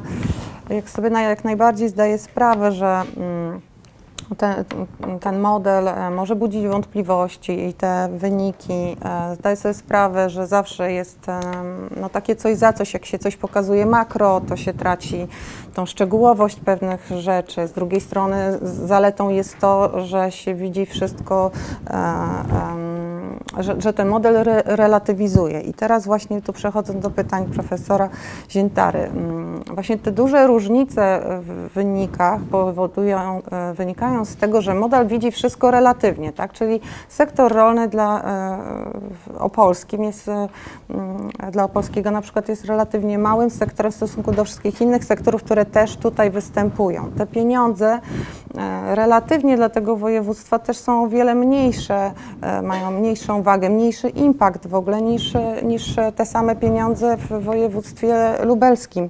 E, I dlatego no, przez to, że to wszystko jest razem em, e, i, inne czynniki są mobilne, e, no to model jakby no, relatywnie to pokazuje e, czego jak się sam se- sektor rolny analizuje, tego, tego nie widać. Więc dlatego mm, to jest jedno z tych, z tych rzeczy. Poza tym, tak tutaj też pani e, e, Katarzyna Szmigiel-Rawska słusznie zauważyła, że właśnie w niektórych z tych województw po prostu silniejszy wpływ miały inne czynniki, nawet te unijne. No, WPR dla Opolskiego no, nie było po prostu e, no, takim mm, decydującym e, czynnikiem, a właśnie na wpływ ziemi miały czynniki inne, wielkie inwestycje e, finansowane z, z funduszy regionalnych i tego tu nie ma właśnie. To jest to takie wyekstrahowanie tym samolotem, było tylko wspólna polityka rolna i to po prostu e, miało mały wpływ tutaj. E, Jeśli chodzi o ten mm, s- spadek cen skutek WPR, tam jest takie jedno, e, to po prostu się interpretuje z e, obniżenie atrakcyjności po prostu ziemi na skutek WPR-u. Po prostu ona nie pomagała w tych e, wykorzystaniu tego ziemi, tej ziemi, tylko właśnie zmniejszała atrakcyjność, która pochodziła zupełnie od innych, e, e, e, nie na wykorzystanie rolnicze, tylko na wykorzystanie właśnie pozarolnicze, więc była tak naprawdę e, zmniejszała atrakcyjność e, e, tutaj tych, tych obszarów. E, Jeśli chodzi o e, jeszcze o to, właśnie tutaj też była uwaga, e, bo interpretacja tych cyferek, no to właśnie jest, e, bo to trzeba to tak, po, po, mm, mówić o interpretacji tych cyfr, bo to, to jest rzeczywistość statystyczna, tak, więc e, e, statystyce też mamy 2,5 człowieka, trzeba to zinterpretować, tak? Więc tutaj e, chodzi o to, że to jest mm, nie, wpływ, nie wpływ WPR-u w, st- w strukturze, tylko w zmianie, bo w strukturze musiałoby się do 100% tak mieścić, no a to jest wpływ WPR-u, udział WPR-u w zmianie, tak? Czyli jak 300%, czyli trzy razy, mm, gdyby nie było WPR-u, na przykład to trzy razy e, wolniej rosłyby te ceny niż przy udziale WPR-u. Więc ja rozumiem, to jest ta trudność, że to jest udział w zmianie, nie udział w strukturze, czyli w czymś dynamicznym. E, No i też dziękuję pani tutaj Katarzynie Szmigiel też za te e, uwagi. Tak, no rzeczywiście tu sektor turystyczny nie jest właścicielem ziemi akurat w tym modelu rzeczywiście e, i, i, i, i można by dołączyć różne takie elementy, które by jeszcze, zresztą na pewno szereg rzeczy można by tu dołączyć, bo tak jak mówię, no ta ogólność tego modelu, no, no to się traci na, tym, na tych szczegółach, ale z kolei, żeby porównać wszystkie województwa jednocześnie pod wpływem te, te, tego, tej polityki, no to jest bardzo trudne. No badania ankietowe nie da się tak przeprowadzić, e, żeby wyekstrahować tą politykę na poziomie wojewódzkim. No ale jest coś za coś, też przyjmuję to jakby uwagi, bo no rzeczywiście trzeba iść dalej, tak? No nie można się zatrzymać na takich wynikach, żeby to dobrze zrozumieć. To się zgadzam. E, Ja też dziękuję bardzo za uwagi i za wskazówki przede wszystkim co do tego przyszłego badania. Ja też podzielam, podzielam e, zdanie Dominiki, że tak naprawdę w artykule to było bardziej o sprzeczności interesów niż o konfliktach. Natomiast o konfliktach właśnie będzie w tym badaniu, bo tam będziemy mieli dostęp do danych, tak jak było wcześniej powiedziane, z sądów administracyjnych czy z tych samorządowych kolegiów odwoławczych, gdzie nawet w sensie liczbowym będziemy mogli powiedzieć, czy te konflikty gdzieś e, są większe, gdzieś mniejsze, gdzieś się koncentrują, a gdzieś nie. E, Z tego co pamiętam, to w jednym roku e, w województwie łódzkim, w, właśnie w sądach administracyjnych tych konfliktów było około 100 związanych z planowaniem przestrzennym, użytkowaniem ziemi. Oczywiście one różnią się między sobą, bo to mogą być konflikty o przysłowiową miedzę, a mogą być jakieś poważne zaskarżenia decyzji administracyjnych urzędu gminy o lokalizacji jakiejś inwestycji na takim terenie. Także to już jest jakby dalsza sprawa.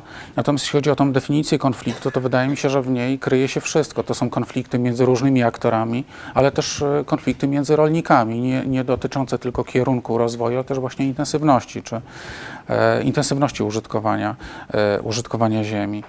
Ja też oczywiście mówiąc o tych różnych aktorach miałem na myśli ten cały sektor turystyki i tak jak u nas, e, w, chociażby w takich województwach e, jak łódzkie, w których intensywny jest proces e, suburbanizacji, występują różni aktorzy, ale naj, najistotniejsza jest ta funkcja mieszkaniowa w przekształcaniu ziemi.